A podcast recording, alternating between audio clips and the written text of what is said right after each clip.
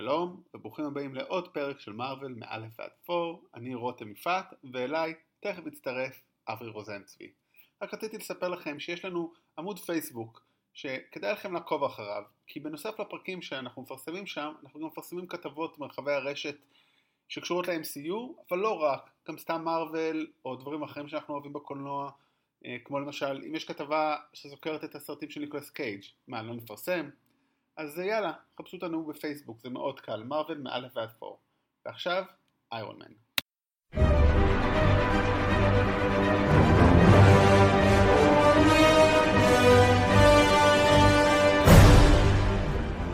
שלום, ברוכים הבאים לפרק השביעי של מרוויל מאלף ועד פור. אני רותם מופת, איתי האיש שמשמש דמות אב לכולנו, אברי רוזן צבי. שלום, בוקר טוב וערב טוב לכל המאזינים. ערב טוב. אה, אז כן, היום אנחנו כבר בעצם בפתחו של עידן חדש, שלב 2 של מארוול, ואנחנו פוגשים כבר גיבור שפגשנו כמה פעמים, אה, טוני סטארק, האיש אולי אה, שקיבל הכי הרבה נפח ומשמעות, אני חושב, עד כה. ובסרט הזה, לדעתי, עוד יותר, בגלל שזה כבר סרט שלישי, או אפילו רביעי איתו, זה ממש עיסוק אמיתי בדמות. זאת אומרת, זה סרט ממש אגוצנטרי במובן מסוים, במיוחד זה מתאים לטוני סטארק, אבל הדמות היא הפוקוס, השינויים שלה. עכשיו זה משהו שבדרך כלל, בדרך כלל אנחנו מצפים, אני חושב, לראות בסרט השני, אבל כנראה שהסיבה שזה לא קרה שם, כי היו צריך לבנות את היקום, להפגיש אותנו עם כל החבר'ה של שילד וכל השטויות האלה, ואני חושב שזה, וזה גם uh, טען הבמאי של הסרט, uh, שיין בלק, שתכף נדבר עליו, שרצה להתרחק עם כל העניינים הקוסמיים שהיו בפרק הקודם, ורצה לעשות משהו קצת down to earth. וגם, כמו שציינו בפרק על איירון מן 2, הם רצו להכניס מהר להפקה סרט על איירון מן בגלל ההצלחה הכבירה שלו, ואולי אה, לא חשבו לעומק מה צריך להיות שם ומה, ה... ומה צריך לחקור בטוני, אבל אה, הסרט הזה הוא גם באמת חקירה של טוני post Avengers, שבו הוא literally fell out of the sky. גם, גם, גם נכנס לתוך uh, חור תולעת, גם נפל, גם נתפס על ידי uh, ענק ירוק. זה עלול לגרום לבעיות. אז הסרט הוא מ-2013, התקציב במקורי היה 140 מיליון דולר, אבל אחרי ההצלחה של הנוקמים, שכמו שאמרנו, היה הצלחה מטורפת, הם העלו את זה ל-200 מיליון דולר, וכך אתה מצדיק את העובדה שאתה בונה עולם בתוכנית ארוכה. אני חושב שזה הצ'קמרק הראשון לעובדה שהתוכנית שלהם עובדת. הם יכלו לעלות כאילו בכמעט 50% את התקציב של הסרט, כי פשוט הם ראו שזה עובד. דרך אגב, זה השתלם להם, זה הכניס מיליארד 200 אלף דולר, שזה הסרט אה, הרביעי או החמישי הכי מצליח אי פעם עד היום של, של העולם הזה, שזה די מדהים. משער שהוא יידחק למקום שישי כש Avengers Infinity War הראשון יסיים את הטור שלו. אבל זה עדיין מספרים מופרעים לחלוטין. וזה המשך למלחמת חימוש אה, של אה, תקציבים שעולים כל פעם אה, לסרטים. אני מניח ש... עוד עשר שנים כל סרט יעלה 500 מיליון דולר והוא יצטרך להכניס 2 מיליארד כדי שבכלל uh, לעשות uh, רווח ואז יהיה הכל בחמישה ממדים uh, באולמות uh, ענק מי יודע מה יצטרכו לעשות כדי למכור כרטיסים בעידן הזה. אנחנו נעשה פודקאסטים ב-20 ממדים. ננצח את השוק.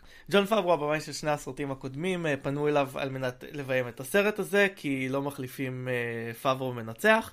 אבל הוא העדיף לוותר אה, לטובת אה, בימוי של סרט בשם ממלכת הקסם, שהיה אמור להיות אה, גרסה של דיסני ללילה במוזיאון, שבו אני מניח שמיקי מאוס היה מתעורר לחיים ותוקף את אה, באי הפארק, אולי לא.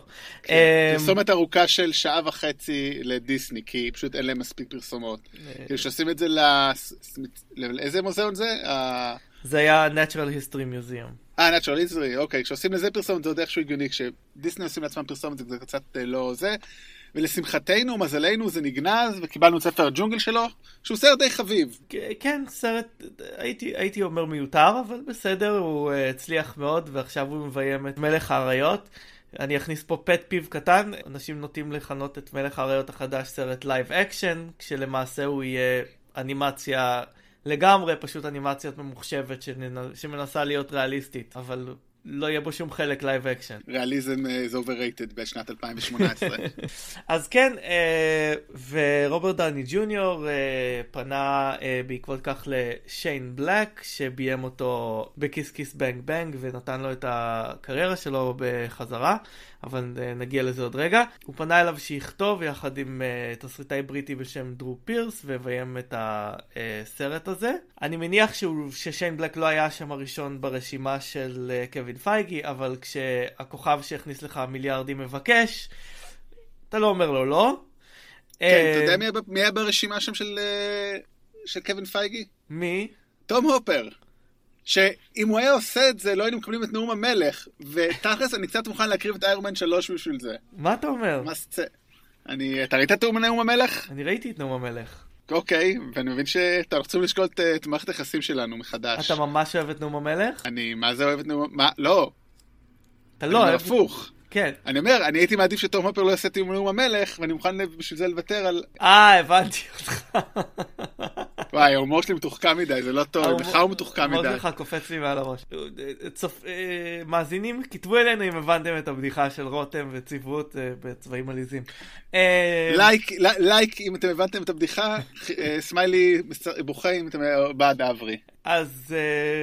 אנחנו ממשיכים פה את uh, הקו של הנוקמים עם הבמאי, uh, גם יש פה במאי שהוא uh, uh, במאי תסריטאי, ובדומה לג'וס ווידון הוא במאי שביים רק סרט אחד למסך הגדול, אבל uh, כתב uh, הרבה מאוד, שניהם התחילו את הקריירות שלהם כתסריטאים. שיין בלק, אם uh, אתם לא מכירים אותו, כתב uh, את כמה מסרטי הבאדי קופ הפילם הכי טובים אי פעם, הוא די המציא את הז'אנר, או לפחות המציא אותו מחדש uh, בשנות ה-90. הוא כתב את נשק קטלני הראשון והשני, אחרון גיבורי הפעולה, שהוא uh, פנינה לא מוערכת uh, דייה. כתב את בכוננות uh, מתמדת של uh, האח סקוט המוצלח יותר.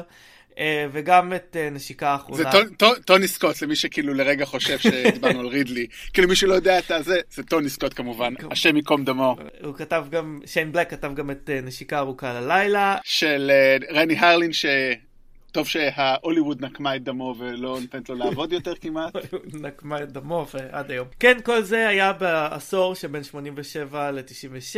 שיין בלק היה אז uh, תסריטאי שדחף את המחירים של תסריטים uh, מעלה ומעלה, התסריטים שלו אחרי נשק קטלני.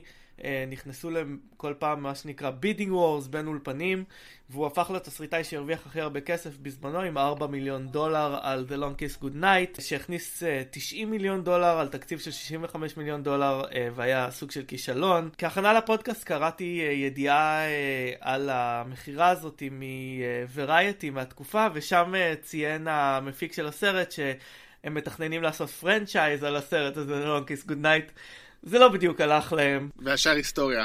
כן, ואז אה, שיין בלק נעלם לתשע שנים. הוא דיבר הרבה על התקופה הזאת מאז שהוא איבד את המוג'ה שלו ואיבד את הביטחון העצמי. בכל זאת, כשמשלמים לך 4 מיליון דולר and you don't deliver, אתה שואל את עצמך, האם אני שווה 4 מיליון דולר? מה אני שווה בעצם? הוא חזר אחרי תשע שנים עם כיס כיס בנג בנג, שהיה הסרט הראשון בבימויו. אה, ואם אה, הסרט הזה מוכר לכם, אנחנו דיברנו עליו בפרק הראשון כבר בתור הסרט שהחזיר את uh, רוברט דאוני ג'וניור לאור הזרקורים uh, ואני חושב שבגלל החבות הזאת, בגלל שהוא מרגיש אסיר תודה לשיין בלק הוא uh, מביא אותו uh, לסרט הזה אחרי שהוא לא ביים שום דבר בעצם מאז Kiss Kiss Bang Bang הוא גם uh, לא הצליח כל כך להתרומם. וגם אני חושב שהוא בסרט Kiss Kiss Bang Bang יצר מחדש והזכיר לכולם מי הוא רוברט דאוני ג'וניור ובעצם עזר ביצירת הדמות של של טוני סטארק. לא רק שהוא, גם, אני חושב שיותר מזה שהוא חייב לו, הוא גם מאוד אוהב את מה שהוא עשה, והוא רצה מישהו שתעשה איזה סרט יותר מעניין, וזה מאוד מורגש פה. זה סרט שונה מאוד משאר הסרטים של ה-MCU עד עכשיו, וקל להגיד גם שונה מכל שאר הסרטים. זאת אומרת, יהיו עוד כמה סרטים שהם באמת אה, סרטי במאים, אבל זה, כי הסרט הזה הוא לגמרי סימן אה, מובהק של היוצר, של שיין בלק, אי אפשר לטעות, מהרבה סיבות, אה, חלקן שטחיות, אבל כמו קטע של Christmas, אבל זה לא נהפך לטרנד אצל מארוול. זאת אומרת, יש להם קפיצות back and forth לבין סרט של במאים ולבין סרט שהוא פשוט הנוסחה. וזה עובד לשני הצדדים, זה אולי הדבר הכי יפה במארוול. זאת אומרת, האחים רוסו שעשו את הסרט שאברי אומר כל פעם הכי אוהב, זה חייל החורף. קפטן אמריקה חייל החורף הוא לא, הם לא, זאת אומרת, זה היה הסרט בערך הראשון שלהם גם, או הם עשו את אני אתה ודופרי לפני זה, אני לא זוכר מה, זאת אומרת, הם לא יוצרים בעלי משמעות, הם אנשי טלוויזיה, אבל הם ידעו להיכנס למכונה של מארוול, הם עושים אותה אולי הכי טוב. ומנגד, סרטים כמו אה, שומרי הגלקסיה, או ת'ור רגנורק הם לגמרי סרטים של היוצרים, ומנגד יש לנו את המקרה העצוב של אדגר רייט ואנטמן, ועליו נדבר בפרק הרלוונטי. הסרט בעצם נפתח עם, עם פלשבק לעבר של טוני בכנס שקר כלשהו בשוויץ ב-99. הוא כמובן חצי שיכור, לא זוכר מה קורה סביבו, הוא עולה לחדר עם מאיה בגילומה של רבקה הול. מדענית צעירה שצריכה את עזרתו, הם, עוש... הם שוכבים, וגם הוא עושה לה ghosting כמו שרק טוני יכול. הוא משאיר לה איזה משוואה שמקדמת את המחקר שלה, הביו... הבוטני, ביולוגי, לא ברור. רבקה הול לא הייתה הבחירה הראשונה, היא למעשה באה אחרי שג'סיקה צ'סטיין כבר לוהקה לתפקיד, אבל בגלל התנגשות לוז נאלצה לוותר. וכולנו מודים על כך, כי רבקה הול גם שחקנית מצוינת וגם אישה נאה מאוד. טוני משאיר לה את הנוסחה על תג השם שלו, שכמובן היה כתוב עליו התחכמות, You know who I am. שזו נקודה מאוד יפה, כי זה די, כי כל הסרט טוני מנסה להבין מי הוא, אז זה די סימבולי שהוא, כשהוא היה צעיר, הוא אמר, אה, אתם יודעים מי אני, ולמעשה הוא זה שלא יודע מי הוא. זה גם, את השינוי בטוני אפשר לראות בדרך אחרת בסרט, זה כשהוא עובד בחדר שלו, אז במקום לשמוע... heavy metal ו-ACDC הוא שומע שירי חג מולד, כשלצידו אלבום של הפינאץ חג המולד, מאוד שונה מלשים בלק סאבף כשאתה הולך לתקוף כפרים בפקיסטן או איפה שזה לא היה. וכל הסרט בעצם עם voice over של טוני, ואחד המשפטים שהוא אומר זה Our demons catch up with us. אבל מה שמעניין שהשדים של, כאילו, שדים זה בדרך כלל מתייחס למשהו פנימי, אבל כל הסרט, השדים שהוא מתמודד איתם רובם, הם דווקא כאלה שהוא יצר בפועל, אנשים ומעשים שלו שרדפו אחריו, אבל גם באמת משהו פנימי שזה אותו מקרה בניו יורק, כי בעצם טוני סובל מפוסט טראומה, חרדה, קצת המשך של משבר גבריות, שאולי שדיברנו עליו קצת בפרק הקודם, שהחבר'ה האבנג'רס מתמודדים אחד נגד השני, אז זה קצת עדיין משפיע עליו, וטוני בעצם לא ישן בתקופה הזאת. הוא בונה עוד ועוד חליפות, והוא מגיע לגרסה 42, שמה מיוחד בעצם? שאפשר למכור מלא צעצועים. לא. לא, זו חליפה שמתחלקת לחלקים קטנים שהוא יכול לזמן אליו כשהוא צריך אותה. כלומר, אם ראינו באבנג'רס, יש שם את, ה, את ה sequence היפה שבו הוא מגיע למגדל של האבנג'רס ויש שם רובוט שמפרק את החליפה מסביבו, זה קצת אי אפשר ללכת עם זה לכל מקום. בעולם, אז יש לו חליפה שאפשר, שיכולה להתחבר עליו בחלקים, בחלקים קטנים, והוא מכניס לאור שלו כל מיני כאלה סמני GPS קטנים, כדי שכל חליפה, כל חלק בחליפה ידע לאן להגיע, ויש סצנות מאוד מצחיקות איך שהוא בוחן את החליפה הזאת. אני חושב שזה יותר מ-GPS, כי אם זה GPS היה עף לכל עבר, זה בטח איזה NFC או משהו, אבל כן. אבל זה העניין, אני קצת לא סומך עליו, כי כאילו כמה שהוא בונה וממציא וכל זה, כאילו יש כמה פעמים שהרובוטים תוקפים את פפר, גם בהתחלה של הסרט וגם בסוף. וכאילו לא יכולת להוסיף איזושהי אינדיקציה לא לתקוף את פפר, תפסיק להתעסק רק בדברים ותיכנס לפרטים הקטנים חבר, הוא צריך לנהל, מנהל מוצר, אולי אני אציע את עצמי בתור לעבוד אצלו. כן, לך על זה. אני לא חושב אבל שהוא בוס טוב לעבוד אצלו. קורות חיים. אני עצמאי, זה בסדר, אולי נסתדר טוב ביחד. אולי. ואז חוזר אלינו רודי, שעבר שינוי תדמית קל. הדמות, רגע, חשוב להגיד, הדמות, לא השחקן, השאירו אותו שחקן הפעם, זהו. אבל הוא נראה לי שהוא התחזק, כאילו, ממש נהיה כאילו מסיבי פתאום בסרט, אבל אולי זה רק... אני חושב שהוא הלך לחדר כושר בין הסרטים. יכול להיות שבין הסרט הראשון לשני השתמשו בו כקלף מיקוח כדי לנסות להוריד את טרנס האוורד מהדבר הזה ולא הצליחו, אז אמרו לו יאללה יאללה בוא, לפני שאתה הולך לחדר כושר. בינתיים רודי הפך לאיירון פטריוט, כלומר צבעו אותו באדום כחול ולבן, וטוני מנסה לדלות ממנו מידע. לגבי טרוריסט שאחראי לכל מיני פיגועים מסתוריים ברחבי ארצות הברית. המנדרים! במקביל פפר פוגשת את אלג'ריץ' קיליאן שמגיע לעשות לה פיץ' ואנחנו מגלים שזה אותו בחור שטוני השאיר על הגג בשוויץ אי שם ב-99 ועכשיו הוא רוצה אה, שסטארק תעשיות נשק יממנו את פיתוח של טכנולוגיה שלו שעוסקת בשיקום והבניה מחדש של הגוף, אבל פפר אה, חוששת שיכולים לעשות בזה שימוש אה, לנשק ולעשות סופר חיילים, שזה כמו שאמרנו משהו ש... היקום הקולנועי של מארוול מתעסק איתו אה, מאז שבשנות ה-40 אה, עשו את קפטן אמריקה. כן, את קיליאן בעצם, אה, גם הצעיר שהיה לא נאה עם שיער ארוך וצליעה, ועכשיו הוא שרירי, חתיך, שלם, מגלם אה, גיא פירס האוסטרלי, ממשיך את הקו שהנבלים צריכים להיות אה, זרים. אה, אופס, גיליתי שהוא נבל. ספוילר, נו, לא נורא. ספוילר, הוא לא זוכר מי הוא. ספוילר. לא, סתם. הפי העוזר הצמוד של סטארק, שקודם בינתיים לראש מחלקת הביטחון של החברה, והוא כן אה, ג'ון פאברו שחוזר מאחורי המצלמה, מעניין איך זה היה בשבילו להיות מבוים על ידי במאי אחר, אני מניח. אה, הוא, הרגיש, הוא הרגיש קצת כמו סבא, אומר. הוא אמר, אני כאילו, זהו, אין לי את, הנט, אין לי את הנטל, אני יכול לפתח את הדמות. אני לא יודע, כאילו הרגיש שהוא קצת אה, צוחקים עליו, הוא נראה ממש מעיק שם, כאילו הדמות, כאילו שלו, ממש, כאילו טוני צוחק עליו כל הזמן. אה, וכאילו הוא אומר, הוא קצת הרגיש כמו סבא שהוא רק צריך לשחק עם הילדים ולא להחליף עם חיתול. תזכיר לי לא להשאיר אצלו את הילדים שלי כשיהיו לי. כן, אבל... אה, אבל הם באמת, יש לו יותר תפקיד בסרט הזה מאשר בסרטים הקודמים, אולי בגלל שהיה לו יותר זמן פשוט להיות על הסט. אתה מכיר את הבדיחה על האבטיח מה הוא יותר ירוק כן. או יותר ארוך? אז אה, ג'ון פאבור, מה הוא יותר גרוע, שחקן או במאי? זה כאילו השאלה. קשוח רותם, קשוח. כן, אז הפי אה, רואה את אה, העוזר של קיליאן שמגיע איתו, ומשהו בו לא נראה לו הכי אה, כשר, אה, ולכן אה, הוא עוקב אחריו ומתעמת אה, איתו אה, מול ה-Men's Chinese Theater. יש שם סצנה של אה, פיצוץ, והפי אה, נפגע. כן, הפיצוץ הוא בעצם של הבחור שהבי פוגש, לא, לא ברור לנו עדיין בשלב הזה מה קורה, אבל זה מאוד מוזר, בחור פשוט מקבל איזה משהו, ופשוט עולה בחום ומתפוצץ, מאוד מסתורי, אבל כל הקטע הזה הוא כל כך כאילו לא משכנע. זאת אומרת, הוא רואה את הבחור, הוא נראה לו לא טוב, פשוט לא בא לו טוב בעין, אז הוא אומר, נלך לעקוב אחריו. כאילו, או שזה צוחק ממש על התפקיד המיותר שלו, אבל כאילו, זה מה שאתה עושה, זה כאילו לא חוקי, כאילו...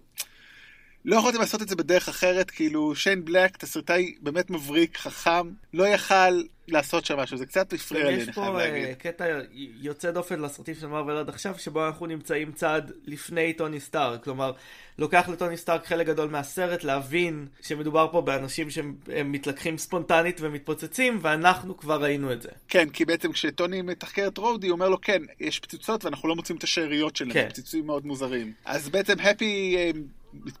נכנס לקומה, זמנית, הכל בסדר, וטוני לוקח את זה כמובן אישית, כי כמה שהוא צוחק עליו עדיין אוהב אותו, הוא איתו כבר עשרות שנים. הוא יוצא לתקשורת והם רוצים אה, לשמוע את דעתו של טוני, וטוני כמובן לא שותק, ודי מזמין את, את המנדרין להתמודד איתו כמו גבר, אפרופו כל משבר הגבריות, ונותן לו את הכתובת שלו. וואל, זה היה חכם, כי הוא חוזר הביתה, מתחיל קצת לחקור את המקרה עם כל מיני טכנולוגיות מגניבות, את הפיצוץ, קצת מזכיר את שרלוט קולמס, ומי בא לבקר אותו? אותה מאיה מלפני אה, כמה, 12 שנים. אה, היא לא מספיקה להגיד אה, בוקר טוב, והמנדרין מפציץ את הבית. כי וואלה, טוני אמר לו, מה, לא ינסה אותו? אה, בית יפה שמופיע במערכה הראשונה, יפוצץ במערכה השנייה. זה, זה בית מרשים מדי על, על צל ההר במליבו. סצנת פיצוץ מרהיבה. שבעצם במהלך... במהלך טוני מצליח לקרוא לחלקים של איירון מן ומציל ככה את פפר. אולי בגלל זה הוא לא אמר לה, אה, לחליפה לא להתקרב לפפר. יכול להיות, לא אה, ברור. כן, אבל לא ברור בדיוק למה המנדרין מתקיף את אה, הבית של טוני, האם זה כדי להרוג אותו, האם זה כדי להראות את העוצמה שלו. אנחנו נדבר אחר כך על בעצם של מי המטרה פה. ומה הוא רצה להשיג. כאילו נראה שביקום הקוני של מארוול לא שמעו על אתר של אוקאם. אתר של אוקאם אומר, מי שלא מכיר, זה על uh, אמירה של פילוסוף נזיר uh, מהימי הביניים, שאמר, אין להרבות בישויות יותר מכפי הצורך. כאשר קיימים הסברים שונים לאותה תופעה, יש לבחור בהסבר הפשוט ביותר, אשר מערב את המספר המועט ביותר של מושגים וחוקים. זה מוויקיפדיה, ובאמת זה כאילו קורה לנו הרבה ב... שהתוכניות של הרעים כל כך מופרכות, במקום שיכולו לעשות משהו הרבה יותר פשוט. אז אני חושב שפה הסיבה היא כי רצו לעשות פיצוץ מגניב. סיבה מעולה. אבל חבל שעלילתית זה לא מוצדק. אה, א', סיבה מעולה, רק שקצת בכל זאת אנחנו גם מצפים לסרט אה, בהחלט. שיצדיק את זה. טוני אה, איכשהו מצליח אה, לברוח מזה ומתעורר בטנסי. ג'רוויס שקצת חדל מלתפקד, לקח אותו ב- בחליפה הניס- הניסיונית שלו למקום האחרון שהיה לו ב-GPS, שזה היה מקום שטוני רצה לחקור. שאחד החיילים, בעצם אחד החיילים, אחד הפיצוצים היו, והיה של, חייל שלא, ברור, שלא קושר למנדרין. אז הוא אמר, היי, זה מקרה דומה, אבל לא משוייך אליו, בוא נראה כן, מה מאוד קורה סביר שם. והגיוני.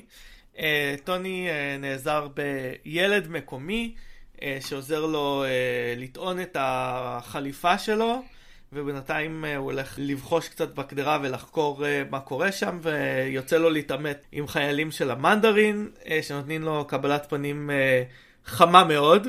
כן, כי כאמור הם יכולים להתפוצץ, אז הם יכולים באותה מידה להתחמם סתם ולחמם דברים, ודי אה, אלימים וחזקים, כי כאמור הם סופר חיילים. כן, יש שם, יש שם אה, סצנה אה, חמודה, אבל היא גם מבהירה לנו את ה... אחת הבעיות הכי גדולות של הסרט הזה, וזה שהוא מאוד מאוד מאוד עמוס, גם בהתרחשויות וגם בדמויות.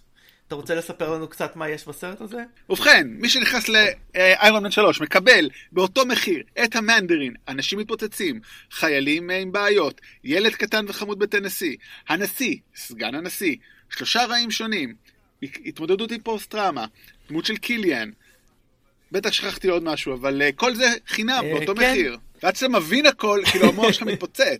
הקטעים עם הילד בטנסי שם, אני כאילו גם בצפייה השנייה, השלישית והרביעית מרגיש לי כמו נצח. ואז שאני מבין שזה אולי רבע שעה בסרט. זה, זה סרט מאוד מוזר, כי הוא, הוא הולך ל tangent, הוא, הוא הולך כאילו לעלילה צידה, עלילה צידית אה, באמצע הסרט עם, ה, עם הילד הזה בטנסי, שסרטי מארוול אחרים שהיו הרבה יותר streamlined והלכו מנקודה א' לב' לג' בצורה שהסרט הזה לא עושה. אז הסרט הזה מכיל אלמנטים מהנוסחה של מארוול שנדבר עליהם בהמשך, אבל הוא גם מאוד שונה ממנה. חלק מזה בגלל שהוא מאוד מאוד דחוס. עכשיו כן, חשוב להגיד כאילו, זה לא שזה, זה מה שעובד פה, שזה כן חלק מהעלילה, זה מקדם את העלילה, זה מאוד חשוב, אבל זה way too much.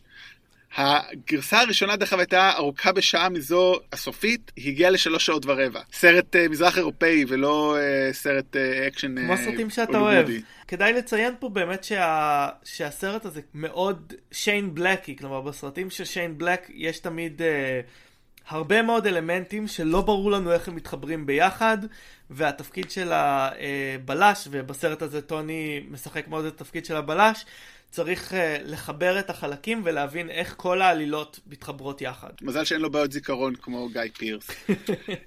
בזמן שטוני משחק אותה אבא בדרום ארצות הברית, פפר בורחת יחד עם מאיה מפני המנדרין, ובעצם מאיה חושפת בפניה שהיא חושדת שהבוס שלה, קיליאן, עובד עם המנדרין, ושהוא עומד מאחורי הניסיון הרג הזה. ובשלב הזה כאילו כולם בטוחים שטוני מת, ושולחים את רודי, שעכשיו כאמור ממותג כאיירון פטריוט, לתפוס את המנדרין.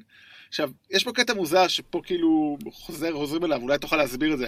למה אותה חברה של קיליאן שפיתחה את הנשק המיוחד ואת זה, ה think tank שלה, למה היא גם עושה מיתוג, כאילו...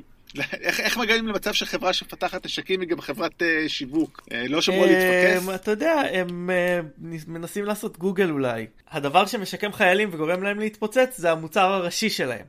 אבל uh, ה... Uh, ה... בוא נגיד שהחברת מיתוג זה הגוגל אסיסטנט שהם השיקו uh, עכשיו. הבנתי, אוקיי, לגיטימי.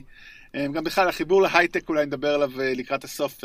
טוב, דרך, פה אנחנו נתקלים לראשונה בפרדוקס הנוקמים. אם כבר יש לנו את הנוקמים, למה לא לאחד אותם כדי להילחם במנדרין?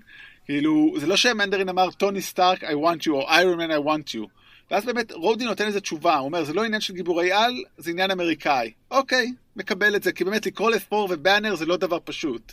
באנר לא, באמת, to utilize באנר, להשתמש בו, זה לא דבר שאתה רוצה בקלות. פור הוא אלוהים יודע איפה, בסדר, אבל היי, יש, יש מישהו אמריקאי שקוראים לו קפטן אמריקה. למה לא קוראים כן, לו? אתה, אתה עולה פה על, על פרדוקס, לא יודע אם זה פרדוקס או על בעייתיות שקיימת במשך עשרות שנים בקומיקס. כלומר, ברגע שיש קומיקס ששייך לקבוצה, Avengers, X-Men, whatever, לא ברור לפעמים למה הגיבורים צריכים להתמודד לבד עם דברים. האם לגיבורים האחרים אין זמן? האם אה, זה הם אומרים, היי, אתה יכול להתמודד עם זה לבד עד הקטעים כמובן הגיבור uh, כמעט כושל וכמעט מת, בגלל שכל סיפור צריך שיהיה לו stakes וצריך שיהיה משהו לאבד בו. זה משהו שצריך uh, לסספנד, מה שנקרא. אבל דווקא, אני אומר, דווקא הגיוני שהם, זה לא שהגיב... אה, זאת אומרת שאם טוני נלחם במישהו, אז קפטן לא בא כי הוא אומר, אה, הוא יכול להסתדר, אלא הייתי חושב הפוך. האגו של הגיבור הנלחם אומר, אני לא צריך אותם. אבל זה בכל מקרה פחות רלוונטי באמת לעולם של uh, הסרטים, כי חוץ מפה זה לא קורה, כי במקרים כמו נגיד אחרים פשוט אין זמן לזה, או פשוט זה לא קורה בכדור הארץ. אז uh, באמת, זה המקרה היחידי שזה עולה השאלה הזאת. אני אומר, זה באמת זה המקרה היחידי שבו אני חושב השאלה הזאת עולה, ועונים עליה בסרט, אבל עונים עליה רק בחצי כוח, כי כאמור קפטן אמריקה הוא די עונה לבעיה כן, בהחלט. בסרטים אחרים אנחנו כמעט ולא רואים גיבורים יחידים בהמשך. הם, הם מצ... מתחילים לצוות אותם ביחד. כי ברגע שיגמר החוזה של רוברט דאון ג'וניור וקריס אבנס, מישהו צריך כאילו להמשיך כן, את הסרטים האלה. כן, בהחלט. ולא רוצים לבנות מאפס. רודי אה, נופל למלכודת שמציב לו, אה, שמציב לו המנדרין. אה, החליפה שלו נלקחת ממנו, הוא נופל בשבי, וקיליאן מכניס חייל של עצמו כדי לחדור ל-Air Force 1 ולחטוף את, הנצ... את הנשיא. כי, אתה יודע, אין שומר בכניסה שאומר, יש נשק בחליפה. הרסת לבד את החליפה? ואף אחד גם לא מבקש ממנו לדבר או להגיד, היי, אני רודי. לא. רוסי גדול. כן. כאילו בעולם של... בעולם שלנו, כאילו, בחור אפרו-אמריקאי נכנס קרוב לנשיא, מישהו היה רוצה לבדוק את זה, אבל בסדר, אגב, כנראה גם החליפות האלה זה one size fits all, בגלל שזה חליפ... כל החליפות נבנו בעצם לטוני סטארק, גם החליפה של... שהופכת אחר כך לאיירון פטריוט, ואנחנו רואים שטוני סטארק, אה, פפר, רודי וחייל רוסי עצום, כולם נכנסים לאותו גודל חליפה. אז בזמן שרודי נפל וחטפו את הנשיא, טוני מגלה איפה מנדרין משדר, מה שכמובן אף אחד אחר לא גילה, כי טוני כזה חכם, והוא מגלה שמנדרין משדר ממיאמי. הגיוני. הילד הקטן מדרבן אותו, והוא חוזר לחליפות שלו ומאלתר חליפה עם קצת חומרי בניין. ופורץ לאחוזה, ורק כדי לגלות את הטוויסט הכי גדול בתולדות סרטי מארוול, שהמנדרין הוא בסך הכל שחקן בריטי כושל, בגילומו המופתי של בן קינגסלי, שבעצם נזכר על ידי קיליאן כדי לגלם את המנדרין. שזה באמת לא רק טוויסט הכי גדול של מארוול, אני חושב אולי ההופעה הכי טובה ביקום של מארוול. היא קצרה, אבל כל כך חדה, היא מצחיקה, היא, היא מפתיעה כל פעם מחדש. עכשיו, בגלל שאין הרבה דמויות אחרות מה-MCU בסרט הזה, יש הרבה, הרבה שחושבים שזה בעצם חלק מהיקום הקולנועי של ריצ'רד אטנבורו, שקינגסלי גילם את גנדי ודאוני ג'וניור את צ'פלין, אבל לא, חבר'ה, זה חלק מה-MCU, לא לדאוג. כן, זה בהחלט, בהחלט קטע אדיר, אנחנו מגלים שלמעשה מדובר בשחקן בשם טרוור סלאטרי. הם עשו את זה בגלל שהמנדרין הוא דמות שלא חשבו שאי פעם יוכלו לשלב ביקום הקולנועי של, של מארוול, בגלל שבקומיקס הוא פשוט דמות מאוד מאוד גזענית. הוא הומצא אה, בתקופה הרבה יותר מוקדמת, שבו פשוט היית יכול לעשות אסיאתי מרושע, אה, וכולם היו מקבלים את זה כנבל. ובהתחלה בכלל לא חשבו אה, אה, להשתמש בו, אבל אז היה להם את הרעיון הדי גאוני הזה. וככה הם גם מסבירים את זה שיש אה, בעצם ב, בסרטי תעמולה המאוד טובים של המנדרין, מין שילוב כזה של... אה, כל מיני דימויי תעמולה מאל-קאידה ואייסיס ו... וכל מיני תקופות קודמות בהיסטוריה, פשוט בגלל שזה מה שזה, it's manufactured propaganda, כדי uh, למשוך את העין מה... מהרעים האמיתיים. טוני בעצם, uh, רגע אחרי שהוא מדבר איתו, הוא נתפס על ידי אנשיו של uh, קיליאן, ואז קיליאן חושף שפפר בידיו, והוא, והוא, והוא ומאיה רוצים שטוני... יעזור להם לפת... לשלם את הנוסחה, כי כאמור הוא עשה את זה בשנייה אחרי סטוץ לילי, אז בטח שהוא יכול לעשות את זה עכשיו, הוא אפילו לא זוכר שהוא עשה את זה. אבל איכשהו הוא מדבר לליבה של מאיה, שמאיימת להתאבד אם קיליאן לא ישחרר את טוני, אבל קיליאן כבר לא יודע שהוא לא צריך אותה, כי יש לו טוני, אז פשוט הורג אותה. ואז טוני וקיליאן אה, מתעמתים, ובאמת שם זה קצת מפגש אה, ג'יימס בונדי, כי למרות שהוא לא חושף את התוכניות שלו, הוא כן אה, מסביר את כל המהלך מאחורי זה, שהסיבה שהוא בחר במנדרין זה כדי להיות אנונימי, הוא כמובן מודה לטוני, שאותו לילה רחוק, ברגע לפני הבאג 2000, שהוא השאיר אותו לבד על גג, זה מה שהניע אותו לבחור באנונימיות, ובעצם הוא יכול לפעול מתחת למטה של, אה, מתחת לש, למותג המנדרין בלי שאף אחד בכלל יחפש אותו. טוני מכנה את זה מאוד יפה, custom, custom made terror threat, וקיליאן אומר בעצם לטוני, the second you gave evil a face, you hand the people a target. זאת אומרת, אוקיי, יש פיצוצים, בוא נשייך את זה לאיזה מישהו, באמת כללי כזה, כמו שאמרת, הוא קצת ציני, ציני, לא, אה, הוא קצת ציני, okay. שבעצם כן. גם ציני איפשהו, אבל הוא, סי, הוא קצת ציני, קצת אה, מזרחי, הוא בפקיסטן, הוא רוסי אולי, כאילו הוא יכול להיות הכל, וזה באמת רגע מבריק. ובעצם קיליאן מאשים את הנוכחות של פור, כאילו זה ירד אל מהשמיים בתיאטרליות של המנדרין. הכל כבר יכול לעבוד. והוא, ובעצם גם כש... הוא גם מאוד מודע לעצמו, זאת אומרת, אי אפשר לקרוא לו... הוא מאוד חכם. וטוני קורא לו, אתה מטורף? והוא אומר, לא, אני לא מטורף, אבל אני שולט במטורף. שזה באמת הבנה מאוד טובה של, ה... של המהות הנב... הנבלית, אני חושב. אגב, אה, דיברנו על זה שטרבור סלאטרי הוא שחקן כושל. לפי הגילום שלו של המנדרין הוא היה צריך לקבל אוסקר. הוא, הוא שחקן מצוין, אה, שלמרות שהוא אה, שותה הרבה אלכוהול, שיכור שם עם נשים, כשהוא, כשמגיע הזמן לצלם הוא מאוד מאוד משכנע. לגמרי משכנע, ועובדה שטוני לקח לו כמה שניות להבין what the fuck.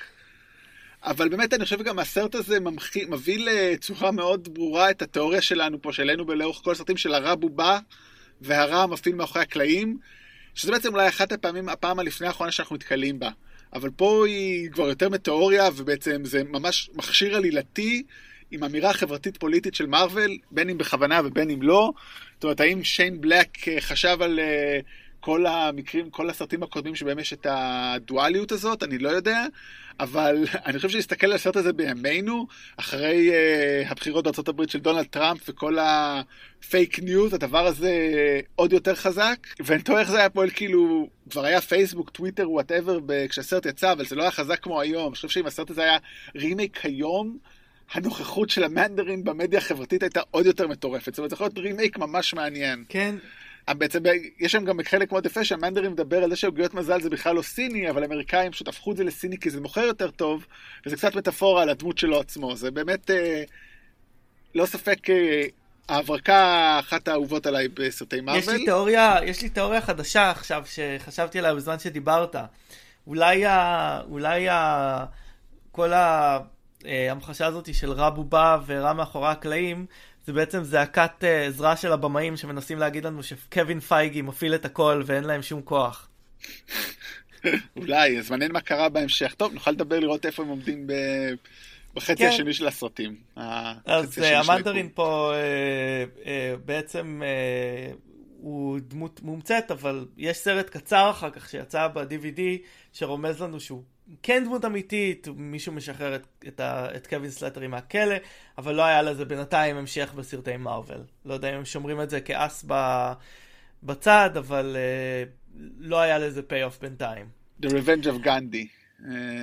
אבל מעבר להברקה הזאת, שהיא באמת קטע uh, מעולה, שהכניס אגב חלק מהמעריצים בגלל שהם לא אהבו שהפכו את המנדרין לבובה ול...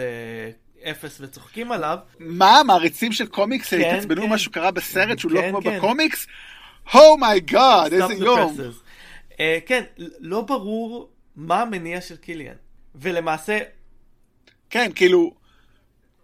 הוא רוצה להביס את טוני? הוא רוצה להתנקם בו? הוא סתם רוצה להסביר את, ה, את, את הפיצוצים אצלו? כלומר, מה היה, אם התוכנית של קיליאן הייתה הולכת כמו שצריך עד הסוף, מה הוא היה מרוויח? מה היה קורה? לא יודע, כאילו, כי יש לי יש הרגשה שהוא קצת אה, לא יותר מסטארטאפיסט כושל. טוני צחק עליך לפני 15 שנה, אז הלכת להתאבד, פנית לפפר פעם אחת וזהו, כאילו, הולך לפוצץ להם את הבית. כאילו, באמת המנדרין זה כיסוי טוב לה, להסתיר את הבאגים שלך. גאוני, אני לוקח את זה כאילו לסטארט-אפ שלנו, אבל אני לא יודע, אה, כאילו, אם זה, מרז, זה לא מסביר את שאר הדברים שלו. כאילו, קצת הרגיש לי פה, האם יש פה הטיה של ה... של המטרה כמו באמת לחיות שלוש, סליחה על הספוילר. אה, כאילו גם, תסכול אישי יכול לפתח זעם, אבל להיות רצחני זה כאילו שוב חוזר על אותם אה, דברים שראינו באיירון מן 1 ו-2, איך אנשי העסקים המכובדים וכו' נהיים רצחניים בשנייה. אז אצלו זה באמת לפחות מוצדק, שכנראה החומר שהוא מזריק לו הופך אותו קצת משוגע. אז כאילו לא אומרים את זה, אבל זה, זה ברור כאילו, אבל לא יודע, מה, אולי בגלל זה הוא לא הגיוני, ואז זה מסביר את זה, אני לא יודע. כאילו באיזשהו שלב מאיה שם מנסה להציג אותו כאידיאליסט ומדען שפשוט האגו ומרדף הפך אותה לא רע, אבל באיזשהו שלב הוא פשוט הרג אותה, וזה כאילו נראה מנותק מהמציאות של הסרט.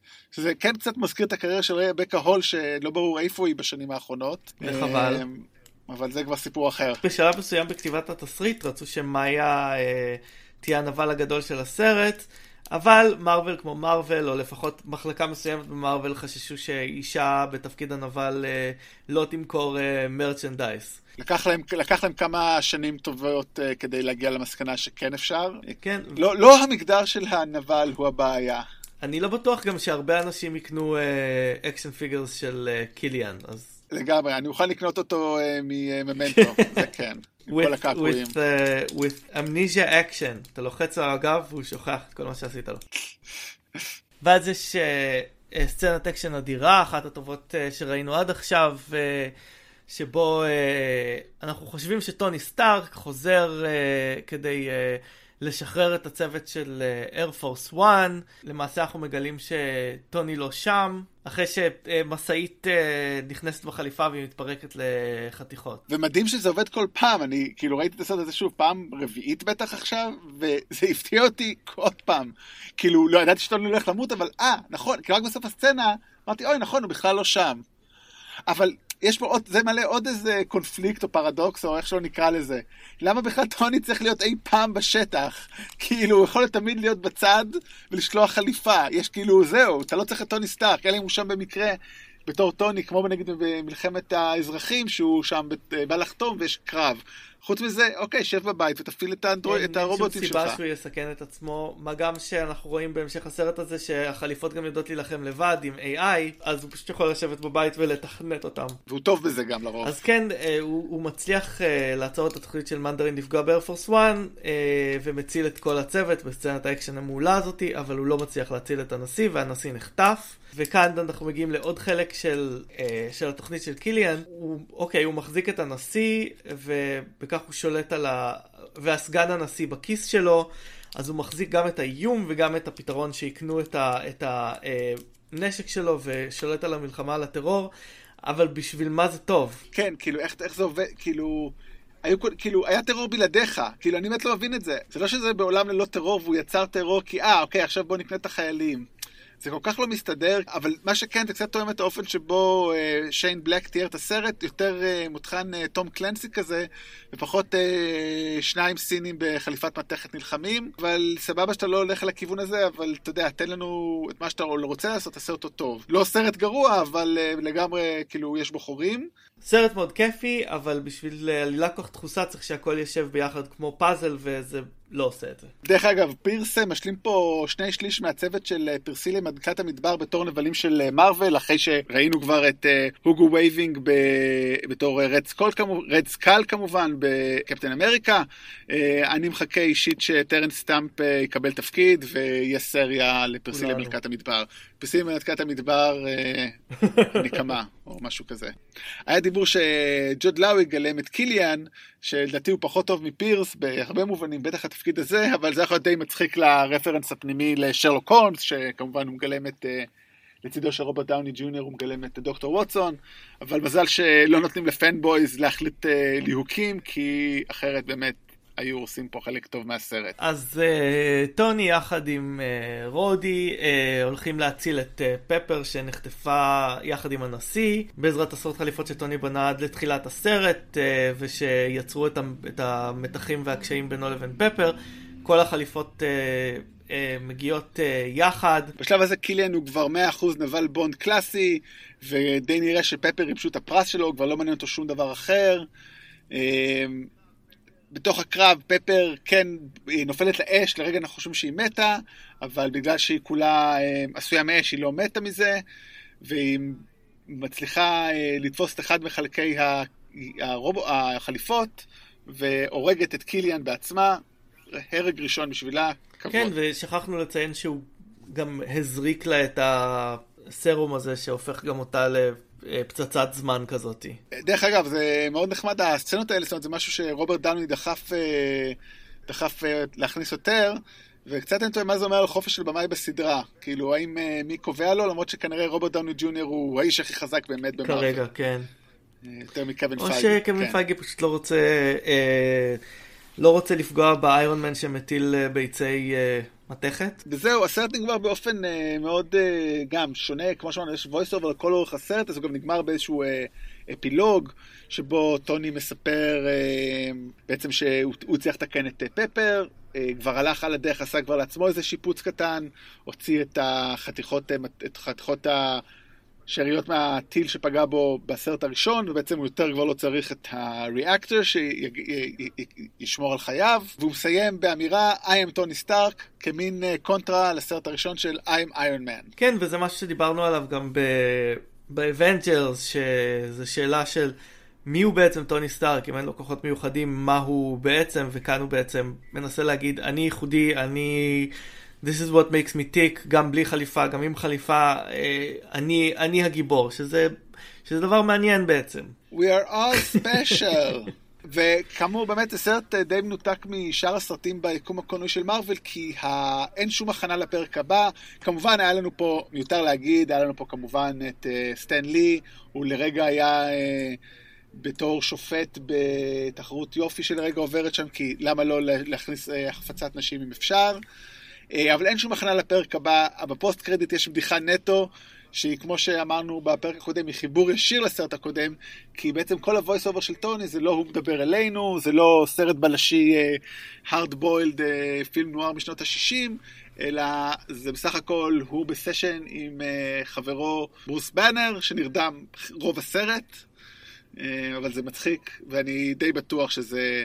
גם זה בדיחה של רוברט דאוני ג'וניור. כן, זה מעניין uh, בעצם שזה סרט יחיד uh, במרוויל שיש לו voice over יותר טוב מפתרונות אחרים שמצאו כמו פלשבקים, אחר כך מצאו לזה פתרון נחמד ומלא אפקטים בסיביל וור שנדבר עליו. בפנתר השחור גם יש וריאציה מאוד כן, יפה לזה. הם, הם עוברים לטכנולוגיה, כאן זה עדיין, יש לנו מין סיפור מסגרת, שאני חושב ששיין בלק הכניס אותו כי הוא מאוד אוהב voice over. אה לא, לגמרי יותר שהוא הכניס את ה-voice over, עכשיו את הבדיחה עם שזה, שהוא מספר את זה להלק, זה, אתה יודע, כאילו, כן. אני חושב, אבל בסדר. זה דרך אגב, לפחות מה שאני הצלחתי לבדוק, זה הסרט המרווילי הראשון שעובר אה, אדפטציה לשוק הסיני, שבעצם יש גרסה עם סצנות נרחבות עם הרופא הסיני שהוא פוגש בתחילת הסרט, שגם נתח אותו בסוף. אה, שיין בלק די אמר שהוא לא יודע מה, מה זה מוסיף לעלילה. זה הוסיף הכנסות כי... שני, כי כמו שאמרנו, הסרט הזה הכניס מלא וכשני שליש הגיע מחוץ הברית, so אני hey. חושב שאנחנו נראה החל מהשלב הזה, בכל הסרטים האמריקאים, בעצם אנחנו נראה, נתחיל לראות מעורבות של שחקנים סינים ושל חברות הפקה סיניות, בגלל שיש כמות מאוד מוגבלת של סרטים אה, זרים שיכולים להיות מופצים בסין, ואם יש לך אה, חלק מההפקה שמגיעה מסין, אתה יכול אה, לדלג על הדבר הזה, וזה נחשב סרט סיני, והשוק הסיני היום... הוא מאוד מאוד uh, משמעותי בהכנסות uh, העולמיות. לגמרי, אני טועה כאילו שיין בלק, הסרט הבא שהוא הולך לעשות uh, זה הטורף. Uh, מעניין כמה דמויות סיניות יהיו שם ומה הוא כן. יגיד על זה. אבל זה כבר לפודקאסט אחר לאנשים. Uh, חכו לפודקאסט uh, הבא שלנו, uh, הסין CU, הסיני סינמטיק יוניברס. די טוב. אל תכניס, לי רעיונות בראש. באמת הרעיון לחיבור אה, שהפוסט קרדיט זה רוברט דאוני ג'וניור. נראה לי הוא צריך, לקבל, צריך, הוא צריך להתחיל לקבל אה, קרדיט כתסריטאי, כמו שג'יימס גן מקבל על אה, זה שהוא ביים את כל הקטעים עם סטן לי בכמה סרטים האחרונים. דרך אגב, אפרופו ג'יימס גן, הבמאי של שומרי הגלקסיה, אחד הסרטים הבאים ב-Phase 2, הרעיון המקורי בפוסט קרדיט היה כן להפגיש בין טוני לבין דמויות אחרות ולשומרי הגלקסיה. הסיבה שזה לא קרה זה פשוטה מאוד, דאוני ג'וניור עוד לא התחייב לחזור לתפקיד. שמח שלא עשו את זה כי החיבור בנוקמים הוא הרבה יותר אורגני. מה, מה, כאילו, מה, כאילו זה היה נראה לי, זה יכול to divert everything, כאילו זה היה משנה כל כך הרבה דברים כנראה, שטוב שהם לא עשו את זה. כן, וזה נתן להם אפשרות uh, להציג את שומרי הגלקסיה בפני עצמם, שזה אחד הדברים הטובים שקרו ב... ביקום הקולנועי של מארוול. ונגיע אליהם uh, עוד uh, כמה עשרות פרקים. לסיום, שני דברים. אחד, הפינה האהובה עלינו. איזה במאי ארטהאוס היית רוצה שיביים את זה? Hmm, um... בגלל שיש לנו פה uh, גיבור, uh, אנטי גיבור והרבה תככים, אולי uh, ז'אן פייר מלוויל הצרפתי? הצרפתי, כן, לא, לא. הסופר אמריקאי, לא לבלבל, לא. כן, דמות שרודפת אחרי לוויתנים זה סיפור אחר. כי הוא באמת, הוא מאוד אנטי גיבור, מאוד נכשל, מאוד לא... זאת אומרת, אוקיי, ברור שיש לו את החן והקסם הדאוני, הדאוני ג'וניור, אבל הוא, הוא לא בשיאו. זאת אומרת, אם היינו מראים את הסרט הזה למישהו שלא ראה אף סרט אחר עם טוני סטארק או רוברט דאוני ג'וניור, הוא היה, לא היה מתלהב ממנו יותר מדי כנראה. אלא אם הוא בקטע של גיבורי, אה, אנטי גיבורים. ולסיום, שאלה שקיבלנו מאחד המאזינים, שבעצם שואל, אה, יש בסרט הזה הרבה אה, רובוטים אוטומטיים, כאילו אנשי איירון מן שטוני מפעיל, יחד עם ג'רוויס, וה... השאלה היא בעצם, האם טוני קיבל את ההשראה שלו מאיוון ונקו, אותו נבל מאיירון מן 2, שבסוף הסרט אה, שולח אה, עשרות אה, רובוטים שהוא תכנן עבור ג'סטין המר, הוא שולח אותם להילחם בטוני ורודי. מה אתה אומר? אתה חושב שיש קשר או שטוני פשוט מספיק גאון? זאת האמת שאלה uh, מאוד מעניינת, לא חשבתי על זה. Uh, אין שום דבר בסרט עצמו שמראה לנו שהוא uh, קיבל השראה מוונקו, אבל יכול מאוד להיות שהיוצרים קיבלו השראה ממה שהם עשו בסרט הקודם. כלומר, זה יכול להיות המשך ישיר לזה שבסרט הקודם היו את ה... את הרובוטים האלה, שאגב לא ברור מי מפעיל אותם בסרט 2, האם זה טייסים אה, סגנון מל"טים או שזה AI. אה, נראה לי המק... התכ... התכנון לשם היה שזה יהיה מל"טים, כמו טוני ורודי, אבל הוא אומר, אני אעשה יותר טוב, אני אעשה מל"טים, כן. כי הוא גאון.